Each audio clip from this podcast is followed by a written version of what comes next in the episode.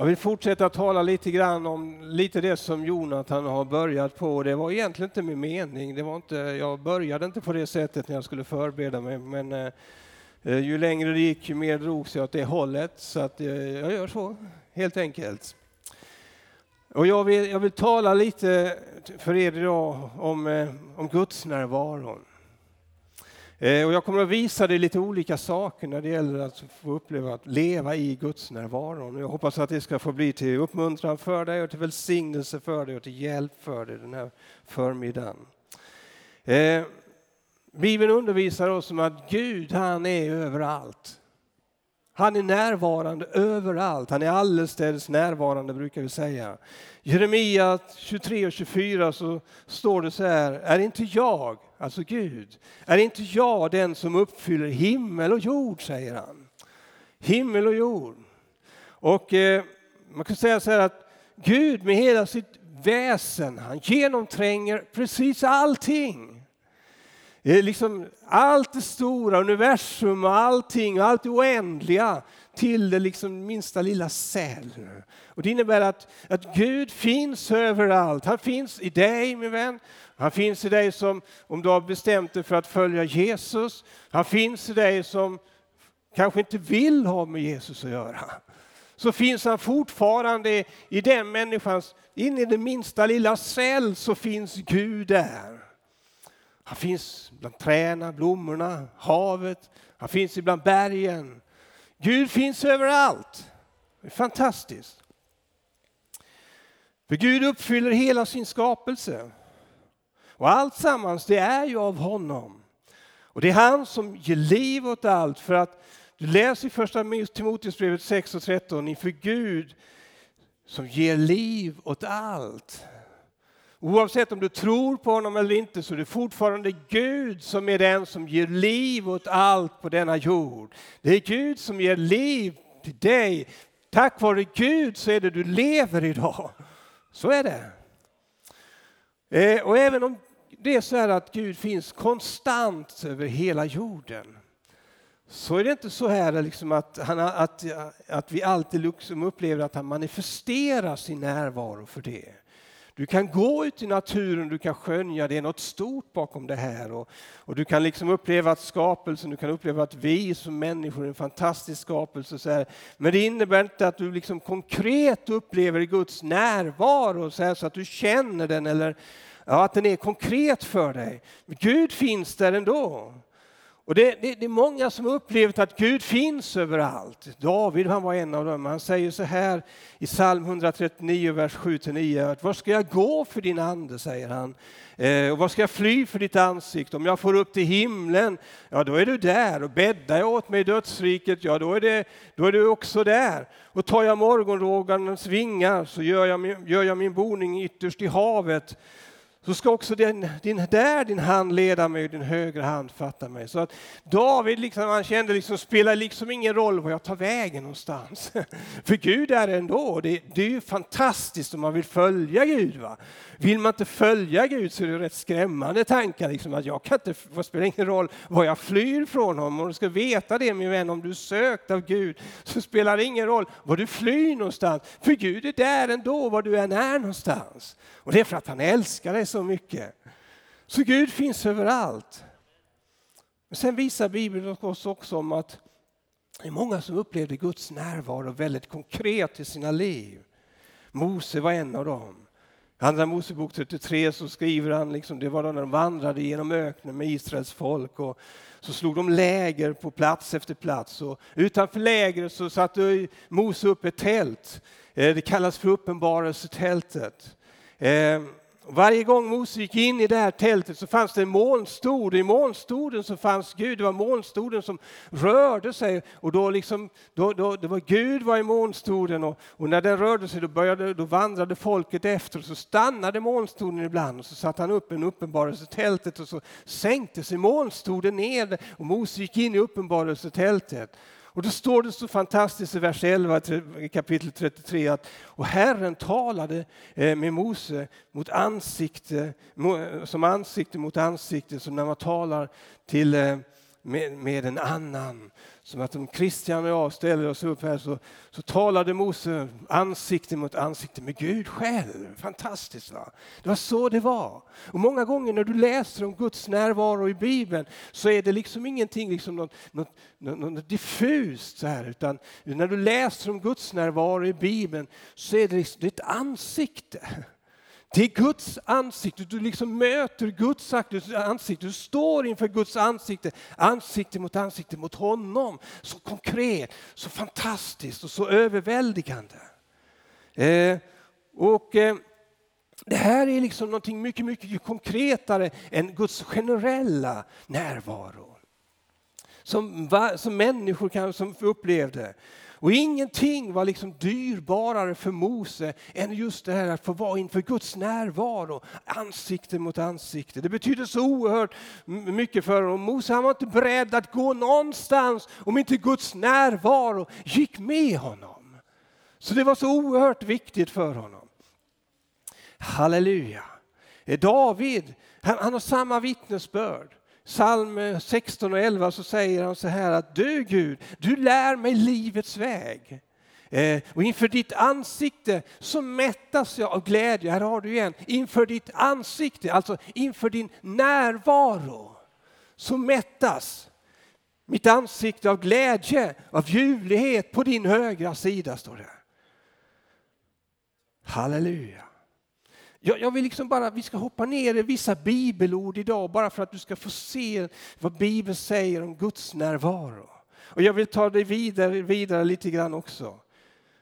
Mose och David de upplevde Guds närvaro på ett fantastiskt sätt. Men sen så kommer vi till Jesus, det nya testamentet. När Jesus kom till jorden, han bar våra synder, han vandrade här och sen så dog han på ett kors. Han bar dina och mina synder upp på korset. Han, han bar våra sjukdomar och där på korset, där vann Jesus seger över djävulen. Där krossade han Satans makt. Där triumferade han. Men där banade han också en ny väg för dig och mig in i Guds rike. In till Gud på ett helt nytt sätt. Du vet att när Mose och David och de andra som, och Abraham som upplevde Guds närvaro så var det liksom speciella stunder som de liksom kom inför Gud på något sätt och stod ansikte ansikte för ansikte. Men nu blev det på ett nytt sätt som du och jag skulle kunna få uppleva Guds närvaro. Och det blev i och med Jesus och det han gjorde på Golgata kors så öppnade han en ny väg för dig och mig till Gud. Halleluja. Och när vi i tro tar emot Jesus i våra liv det är då vi kan få uppleva det här, vad Bibeln säger. Och Bibeln säger så här att när vi i tro tar emot Jesus så tar han sin boning i oss. Halleluja. Så Jesus han, han tar sin boning i mig. Och där har han bott sedan den dagen jag blev frälst och tagit emot honom och upplevt syndernas förlåtelse. Ehm, det står så här i Galaterbrevet 2.20 att nu lever inte längre jag, det är Paulus som säger här, utan Kristus lever i mig. Halleluja. Och det liv jag nu lever i min kropp, det lever jag i tron på Guds son. Alltså Jesus som älskar mig och har utgivit sig för mig. En ny uppenbarelse som kom i Nya Testamentet. Att det var inte på, exakt på samma sätt som det var med Mose, och David, och Abraham och de här andra. Utan nu kommer Gud på insidan av mig för första gången. Halleluja! I och med Jesus och hans verk på Golgata. Och eh, Bibeln undervisar också, jag ska bara visa det, Bibeln undervisar oss också om att när du och jag tar emot Jesus, då, är, då blir vår kropp ett tempel åt den heliga Ande. Den heliga Ande bor i oss. Och det är genom den heliga Ande som Jesus bor i oss också. För den heliga Ande är länken mellan mig och Gud. Så genom Guds Ande som har sin boning i mig och bor i mig för alltid, står det. Så får jag också uppleva att plötsligt så är det så att Gud är inte bara där i templet eller i uppenbarelsetältet eller någon annanstans, utan nu bor Gud i mig. Det innebär att jag får Gud på insidan, Guds närvaro flyttar in i mig på ett helt nytt sätt. Och det här är fantastiskt. Och det är den tiden som du och jag lever i idag. Gud bor i dig och mig. Halleluja. Eh, och det, det, det innebär att genom den heliga Ande så har jag en gudsnärvaro i mig varje sekund i hela mitt liv när jag följer honom, eller hur? Det innebär att var jag än går någonstans så bor Gud. Det innebär att ni alla som har tagit emot Jesus som er frälsare, när ni kom här så, så kom det en massa boningar in i den här kyrkan här. Med en massa människor där Jesus bor i. När du går härifrån och hem till din lägenhet eller villa eller var du bor någonstans så, så, så, följer Gud med dig där. Han bor i dig. Och Det innebär att han är inte långt borta från någon av er utan han är nära. Han är ert hjärta. Halleluja! För där bor han, i din ande. Amen. Så det innebär att du har Guds, på det sättet så har du Guds närvaro i dig hela tiden min vän. Halleluja. Och det är spännande. Eh, jag ska visa dig en sak till. Står det i brevbrevet 10, kapitel 19-20. Bröder, i kraft av Jesu blod som vi, så kan vi nu frimodigt gå in i det allra heligaste på den nya och levande vägen som han har öppnat för oss genom förlåten, det vill säga sitt kött. Gamla förbundet när David och Mose de här levde, då gick man in Först hade man ett tabernakel, ett tält, sen så byggde man tempel. Då hade man det som Jonathan var inne på, det allra heligaste. En gång om året så kunde översteprästen gå in och få uppleva förlåtelse för folkets och sina synder den här stunden, in i det allra heligaste. Där fanns förbundsarken som, ett, som var en, en, ett sigill på Guds närvaron. Och det, det, det, var väldigt viktigt också den för Israels folk. Men där kunde man få gå in en gång om året och få, och, och få syndernas förlåtelse. Och få uppleva frihet. Men det du lever i nu när du har tagit emot Jesus. Det är precis så här att på grund av Jesu blod så kan vi frimodigt få gå in i det allra heligaste på den nyande och levande vägen som han har öppnat för oss genom förlåten, det vill säga sitt kött. Så att i Jesus Kristus så kan du få gå in in i det allra heligaste. Och det står det så underbart i, i, i, i Hebreerbrevet 4.16 att låt oss därför frimodigt gå fram till nådens tron för att få barmhärtighet och finna nåd i hjälp och hjälp i rätt tid. Min vän, det innebär att du när som helst, inte bara en gång om året som du men när som helst kan du som vilken människa du än är kan få uppleva att när som helst kan du få gå in till pappa Gud. In i hans boning, så in i, hans, i det heligaste var, var, du än är någonstans så kan du när som helst få träda in till honom och uppleva att du får vara tillsammans med honom. Att du får säga det du som ligger på ditt hjärta i den stunden där du, har, där du kan få hjälp i rätt tid. Fantastiskt va? Och, och det, det, du vet att Gud är vår far som bor i himlen. Och Det innebär att Gud som vår pappa har vi tillträde till när som helst. Jag vet inte hur det är med dig, men när jag växte upp, inte gick jag och frågade min mamma och pappa så här liksom att skulle jag kunna få öppna skafferiet eller kylskåpet för att eh, ta ett glas mjölk eller saft eller ta någonting annat. Äh, så var det inte i vårt hem. Jag vet inte om det är så i några av era hem, men så var det inte i mitt hem i alla fall. Utan det var på något sätt som att det var ju mitt hem. Det var ju mitt hem. Jag gick bara in i kylskåpet, öppnade det och kollade om det var något gött där. Och var det något gott där så tog jag det. ibland kanske man tog lite mer än man skulle, men det var ju så. För att det var min familj, min mamma och pappa, mitt skafferi, mitt kylskåp. Allt mitt är ditt. Och så är det att vara en kristen idag. När som helst så kan du få komma in för din fader, få sätta dig i hans knä, uppleva hans närvaro och hans hjälp. Och det är inte så här min vän att du kommer till ett fattigt dukat bord, utan du kommer till ett rikt dukat bord där du får ta del av de rätter. Och liksom, ibland har vi inte förstått det här som, som, som Gud säger, att förstår du inte? Precis som den hem, fadern sa till den förlorade hemmavarande sonen i den för, eh, berättelsen med den förlorade sonen. Förstår du inte min pojke att du har ju varit här hela tiden. Allt mitt har ju varit ditt. Men han har inte fattat det. Att han när som helst skulle gå in till sin far och få ta del av det som hemmet hade. Halleluja. I Guds närvaro på det sättet. Alltså det finns en närvaro överallt, en generell närvaro. Sen finns det närvaro som du och jag tar emot när vi tar emot Jesus i våra liv och vi får Guds ande i oss och vår, vi, vår kropp blir tempel för honom. Det är en underbar närvaro.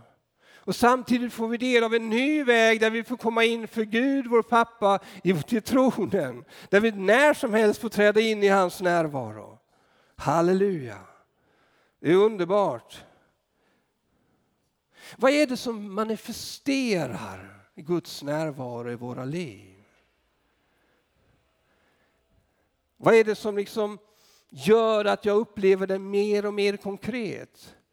För det är ju så här att vi har så lätt att skaffa oss teologiska, eh, ja, Eh, att vi är rätt teologiskt och vi har den kunskapen och vi, vi kan svara på alla frågor att så här är det med lovsången och så här är det med lovprisningen och så här är det med Guds närvaron och, och så här är det med pappa Gud och, och så vidare. Men, men många gånger så, så vi behöver mycket, mycket mer än vi gör gå ifrån, ifrån det som vi kan manifestera rent teologiskt, att det är sanningar, till in i en verklighet av de teologiska sanningarna.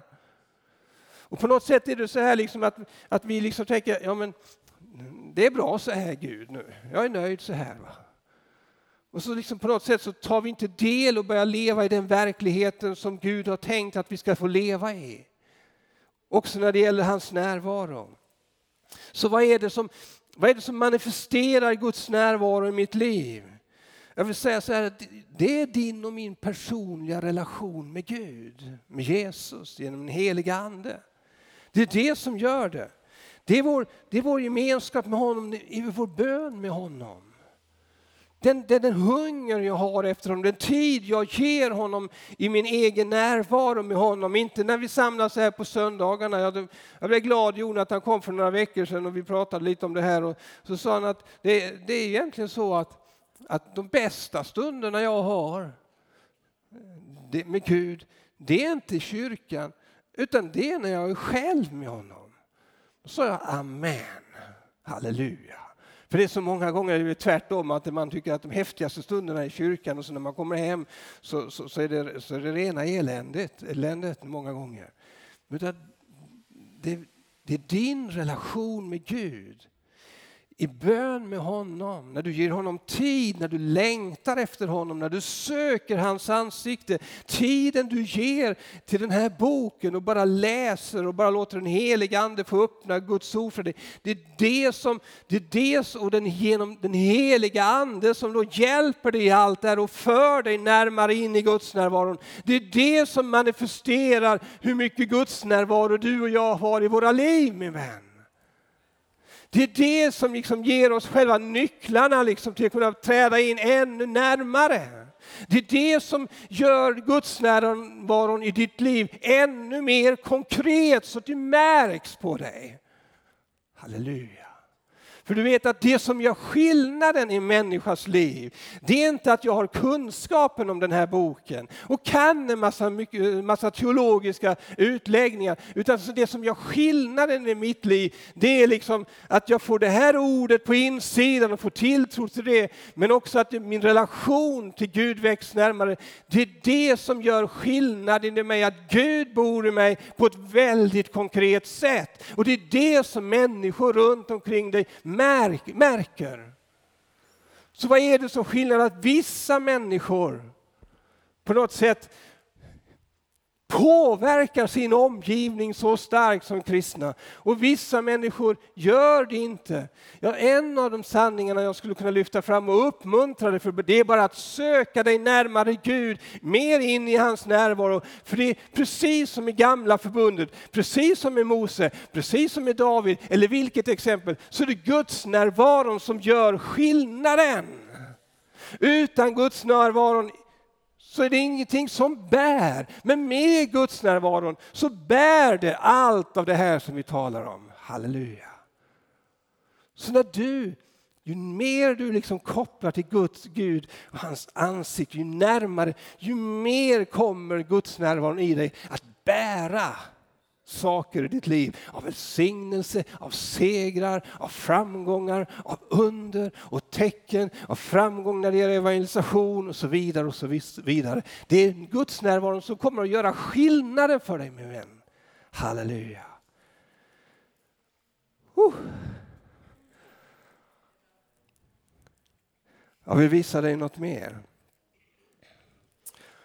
Matteus 18 och 20 står det så här. Ty där två eller tre är samlade i mitt namn, där är jag mitt ibland dem. Oj, nu blir det lite svårt här. Innan sa jag att när ni kommer in här så, borde, så har ni Jesus med er. Frank har Jesus i sitt hjärta, han är tempel för den heliga Ande. Och så kommer jag in här, har Jesus i mig, har den heliga Ande i mig, i min kropp, jag har tempel åt den heliga Ande. Nu är Jesus där, och han är här, och han är där, där, där, där, överallt. Och så står det plötsligt här att, att som vi läste här, att, att där två eller tre är samlade i mitt namn, alltså när du och jag samlas omkring Jesu namn, då går han där mitt ibland oss. Men, men borde han inte här? Nu går han plötsligt mitt ibland oss. Alltså, en Guds närvaro på ytterligare ett sätt. Men vad, eh, talar det här emot varandra? Nej, men det, det, det, är inte, det är inte så. Utan det här är bara en ytterligare en dimension av Guds närvaro. Ser du? Så nu, nu, när vi kommer samman i Jesu namn så kommer Guds närvaro i en ytterligare dimension med ytterligare ett djup, ytterligare konkret sätt i vår närvaro. Nu går han plötsligt mitt ibland oss här, ibland mellan mig och Frank och Christian och, och, och Jonathan eller vad du än heter för någonting och var du än kommer ifrån. Han går mitt ibland oss här med sin egen närvaro. Halleluja. Och det här talar om för oss att det, eh, det finns en närvaro för våra egna inte bara för våra egna personliga liv, utan det finns en Guds närvaro som, som, som framträder när vi kommer samman. Du och jag. När vi kommer samman i Jesu namn, två stycken, tre stycken, femtio stycken, tusen, tiotusen, så går Jesus med sin närvaro emellan oss. Halleluja. Och Jesus han har gett oss, som jag var inne på innan, många löften om seger.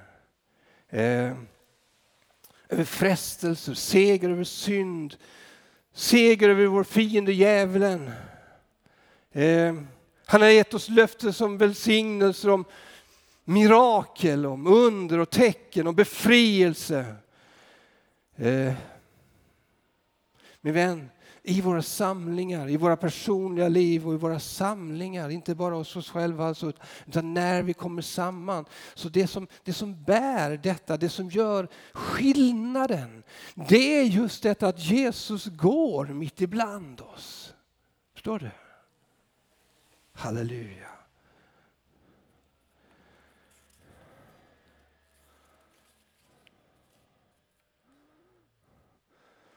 Vet att varje människa, varje samling, om det är ett hem, eller om det är här i kyrkan, eller om det är en gudstjänst, eller om det är en stor eh, konferens eller vad det är. Varje möte, varje samling, varje gudstjänst behöver på grund av detta få märkas av ett sigill. För det, det, när du och jag märks av det sigillet, när vår gudstjänst märks av det sigillet, sigillet som är Guds närvaro. Det är det som gör skillnaden. Och i Efesierbrevet 1 och 13 så står det så här att i honom har också ni sedan ni kommit till tro fått den utlovade heliga ande som ett sigill. Och halleluja! Frank, du är märkt i pannan av den heliga ande. Gud har satt ditt sigill där. Gud har satt sitt sigill på Anders, hos dig min vän. Men i varje gudstjänst där vi kommer samman i hans namn, i Jesu namn, så behöver Gud få sätta sitt, sitt sigill, sitt märke, sin närvaro. För det är det som gör skillnaden i gudstjänsten. Det är väl inte bara jag som har varit på urtråkiga gudstjänster? Va? Eller hur? Jag har varit på gudstjänster utan sigill. Men fantastiskt när Guds ande kommer stark och man upplever Guds närvaro. Vilken skillnad det blir min vän. Det är det som gör skillnaden. Halleluja. Det är närvaron. Det är det som bär miraklerna. Det är det som bär förvandlingarna i ditt liv och förändringarna. Det är det som bär vad du än talar om. Det, det är det som bär ditt vittnesbörd i din, i din vardag min vän. Halleluja. Det är det sigillet. Jag ska visa dig ytterligare en sak. Vi kommer in lite på det som Jonathan talade om. Ja, en liten stund till. va. Psalm 100, en fantastisk psalm. Hör jubel till Herren alla länder. Tjäna honom med glädje och kom inför hans ansikte med fröjder, med jubelrop. Besinna att Herren är Gud, han har gjort oss och inte vi själva. Vi folk, vi är hans folk och får i hans jord. Gå in i hans portar med tacksägelse och i hans gårdar med lov. Tacka honom och lova hans namn. Ty Herren är god och hans nåd varar i evighet och hans trofasthet från släkte till släkte. Jag vill också i samband med detta läsa eh, psalm 22.4 där det står så här att Dock är du den helige, den som tronar på Israels lovsånger. Halleluja. Som jag nämnt innan och som Jonathan var inne på också, i Gamla Testamentet hade man tempel. Och eh, I templet fanns det tre avdelningar. Förgården, det heliga och det allra heligaste. Eh, och det är precis som Jonathan, att liksom det var en stegvis vandring in till det allra heligaste där överste prästen på Gamla testamentet eh, kunde få gå in. Där förbundsarken, Guds närvaro fanns och därför fick förlåtelse. Som jag berättade så lever vi, nu kan vi själva få gå in i den allihopa. Halleluja. Eh,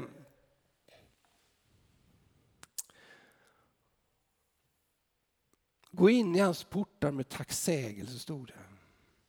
Det folket gjorde också innan man kom till templet, det var det att man sjöng uppgångssalmer eller vallfärdssalmer tror jag de heter också. Lovade man Gud eller man prisade Gud med sång och så här så gick man och vandrade och sjöng tillsammans upp på väg in till templet. Man skulle till templet. Sen när man kom upp till templet då skulle man, precis som det står här, då skulle man gå in i hans portar med tacksägelse. Halleluja. Vi går in i hans portar med tacksägelse och sång. Och tacksägelsen den hör samman med vad Gud har gjort för någonting. Vad Gud har gjort i ditt liv, att han har frälst dig, förlåtit dig alla dina synder, han har upprättat dig. Han har döpt dig din heliga ande, du är döpt i Kristus. Han har gett dig bönesvar, du har upplevt under och mirakel och bönesvar på olika sätt i ditt liv.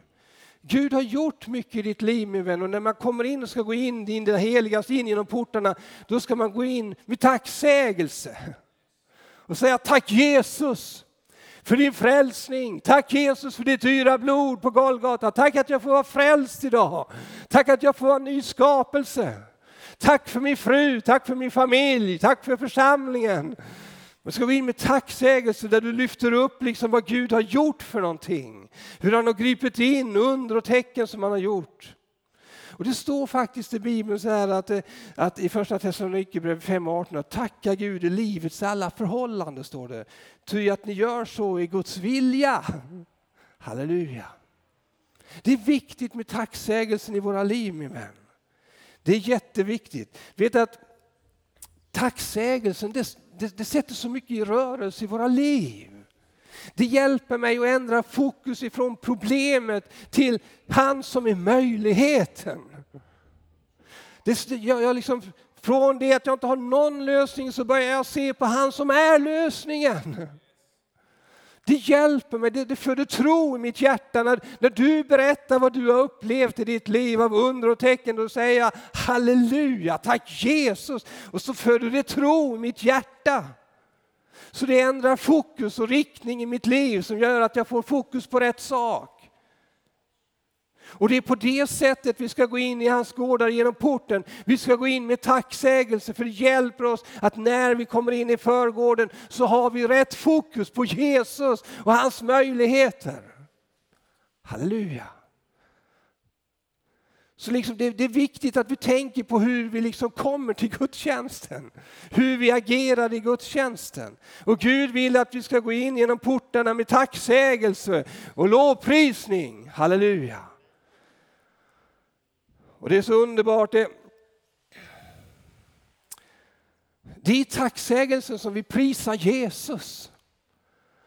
Det är tacksägelsen som vi klappar händerna, som vi hoppar och dansar. Det är tacksägelsen vi gör detta. Det är tacksägelsen som vi har med oss instrumenter, pukor, cymbaler, eh, gitarrer, trummor, trumpeter, allt vad du har. Liksom. Det är tacksägelsen vi har med allt det här och där vi jublar inför honom på det sättet. Du läser i psalm 98, då står det så här. Höj jubeln till Herren alla länder. Brist ut i glädjerop och lovsjung. Lovsjung Herren med harpa, med harpa och med lovsjung och med lovsångsljud. Blås i trumpeter och i horn. Höj jubelrop inför kungen, konungen Herren och så vidare. Halleluja. Det är fantastiskt det här.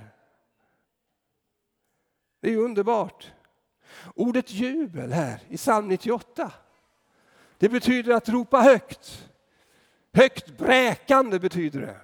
Halleluja. Det innebär att du som tycker du inte kan sjunga så där jättebra, min vän, det, det räcker med att bräk på bara. Halleluja. Det funkar. Det betyder rop, mildhet, kärleksfullt. Det betyder utpasserande. Det betyder att hålla fri. Det betyder att proklamera. Det betyder att sjunga. Det betyder att ljuda och gnistra. Det betyder att dundra och det betyder att hojta.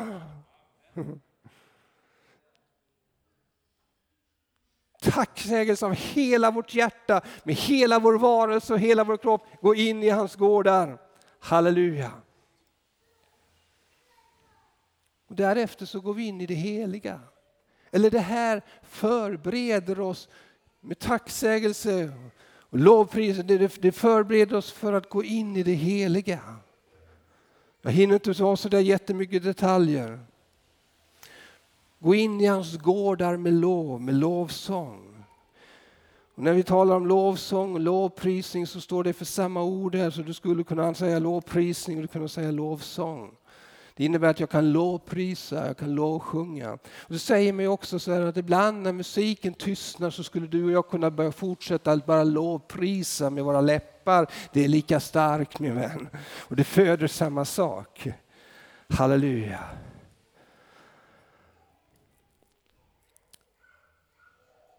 Hebreerbrevet 13 och 15 säger så här, låt oss därför genom honom alltid frambära lovets offer till Gud, en frukt som läpp, från läppar som prisar hans namn. För att när vi går in i det heliga, det är där vi offrar lovets offer. Och Off, lovet, lovet här betyder också toda som är grundtextord för hebreiska. Det betyder också att offrande i förening med lovprisning eller lovsång.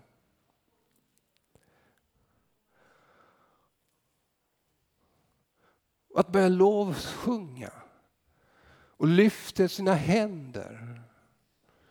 Det, det, det, är också en, en, ödmjuk, en handling av ödmjukhet inför Gud. Och Det är också på något sätt att jag, jag, jag lägger mig själv som ett offer. Du vet att när du och jag kommer hit till det här mötet idag så var det inte så att vi alla kände oss så här, så här va? Jag tyckte det var jättehäftigt, utan en del av er kände är det som vanligt, en del av er kände att det var tungt. Ni har haft en jobbig vecka.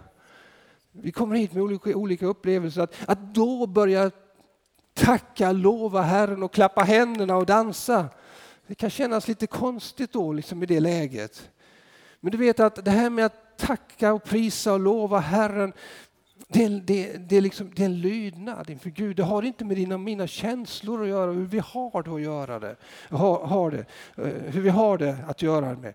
Och då när vi kommer in här och vi kommer in och ska börja lova Gud, då får, då får många av oss på något sätt lägga våra liv som ett offer. Jag, off, jag offrar mina känslor i denna stunden. Jag offrar min situation inför dig Gud denna stunden. Jag ger mig själv till dig och så börjar jag lova Gud. Min vän, det, det, det förändrar mig. Det förändrar dig min vän. Och så ju mer du börjar lova Gud och så du har tungt, så, för det är en lydnadshandling. Det är någonting som du gör för att du vill göra det, inte för att du känner för att göra det. Utan du vill lägga offret på allt. Du offrar din egen kropp, din egen situation. Och så börjar du lova Herren för att du vill det. Och David han säger så att jag vill lova Herren, min själ, lova Herren. Du förstår att det här med att tacka Gud och prisa Gud och lova Gud, det har inte med dina och mina känslor att göra utan det har med vår vilja att göra. Och det är så att när vi går in i förgården och går in i det allra heligaste så har det fortfarande med din vilja att göra vad du själv vill och är beredd att göra. Du gör det för att du vill göra det, inte för att du känner för att göra det. Och det som sker då när vi gör det, det är precis som det stod i psalm 22.4. Dock är du den helige som tronar på, på Israels lovsång. Ordet tronar betyder på hebreiska att bokstavligen sitta eller bo på en plats. Och det är när du och jag då kommer inför varandra och börjar lova Herren. Vi vill det, vi gör det av vår egen fri vilja. Då bygger vi en tron. Här har du en grej till. Vi bygger alltså en tron mitt i mötet, mitt ibland oss. En tron där Gud, där vi bjuder in Gud, vår himmelske fader, vår kungars kung, att sätta sig på den tronen som vi bygger tillsammans genom vår lovsång och lovprisning. Och du vet att när vi bjuder in Gud att sätta sig på en tron mitt ibland oss, min vän, han är inte nödbedd.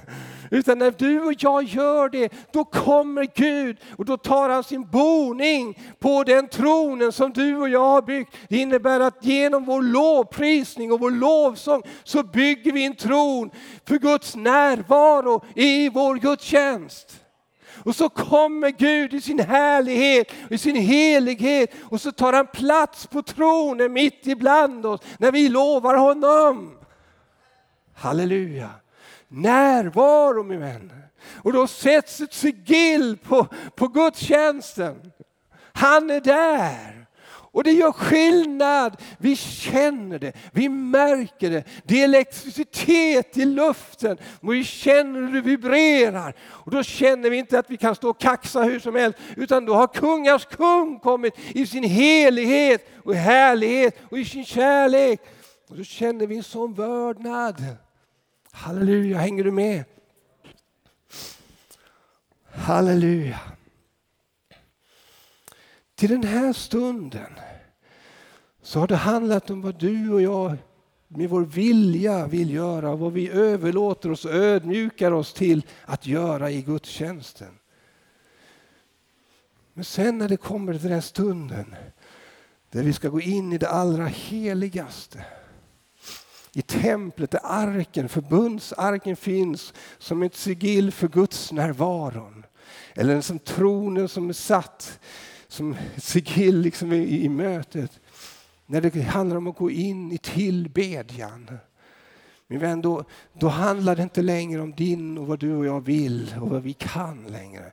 Utan för att från den stunden när du och jag kommit dit så är det Gud själv som tar över. Det är den helige ande som tar över. För då kommer Gud själv och då kommer han och ger sin inbjudan till dig och mig och säger kom nu går vi in i det heligaste. Halleluja. Det handlar inte längre om dig och mig, förstår du. Det handlar inte på något sätt om dig, utan då är det Gud genom den heliga Ande som själv för oss in i närvaron, i tillbedjan för Gud. Och du vet att varje gudstjänst som vi har, har Gud tänkt att vi ska komma in som Guds folk och församling, in i det heligaste, in i tillbedjan. Halleluja. Men där är det den heliga Ande som tar över. Halleluja. Och där i Guds närvaron en, en, del lägger sig platt på marken. En del böjer knä. En del lyfter sina händer upp, en del gråter, en del skrattar. Det är så olika. Men där i Guds närvaron, det är där Gud gör under i våra liv. Det är där du blir helad till din själ, det är där du blir helad till din kropp. Det är där liksom det är så mycket som sker. Du vet att bara en liten stund i Guds närvaro gör mycket, mycket mer bara på några få minuter än en psykolog eller terapeut kan göra på tio år i människas liv. Så gör du Gud bara så här. Halleluja. Och det står så här, och jag ska sluta med det. I Johannes 4 och 23 så står det att med den tid kommer, ja den är redan här, då sanna tillbedjare ska tillbe Fadern i andes sanning. Ty sådana tillbedjare vill Fadern ha. Gud är ande och den som tillber honom måste tillbe i ande och sanning. Frank, du kan väl ta ditt team och göra dig redo. Ansikte mot ansikte med Gud. In i det allra heligaste. Du vet att det är bara genom anden vi kan komma in i tillbedjan. Då får vi lämna köttet, vi får, eller kroppen och vi får lämna själen. För det är bara genom din ande som du tillber Gud. För att Gud är ande och vi kan bara tillbedja honom i ande. Förstår du? Ande kopplar till ande mellan dig och mig och Gud. Och Det är det som är målet med varje gudstjänst. Och där sker under och tecken och där förvandlas människors liv. Halleluja. Jag vet inte om jag har kunnat uppmuntra dig lite, bara söka dig närmare Gud. Får en, uppleva att du upplever en större längtan efter Guds närvaro i ditt liv. Men det är inte omöjligt. Gud har inte gjort det så svårt. Utan vi har fått en fantastisk massa bibelställen här på vad Gud kan och vill göra. Och det är hans vilja och mål att du och jag ska få komma in i hans närvaro. Jag tänker inte göra en inbjudan för jag tänker lämna den till Said Christian. Jag känner att nu har jag gjort mitt. Jag tänkte att vi kanske ska resa på oss allesammans. Amen. Helige Ande kom, det är ett sånt där rop ifrån våra hjärtan just nu känner jag. Halleluja. Så vi sjunger här. Herrens ansikte. Halleluja.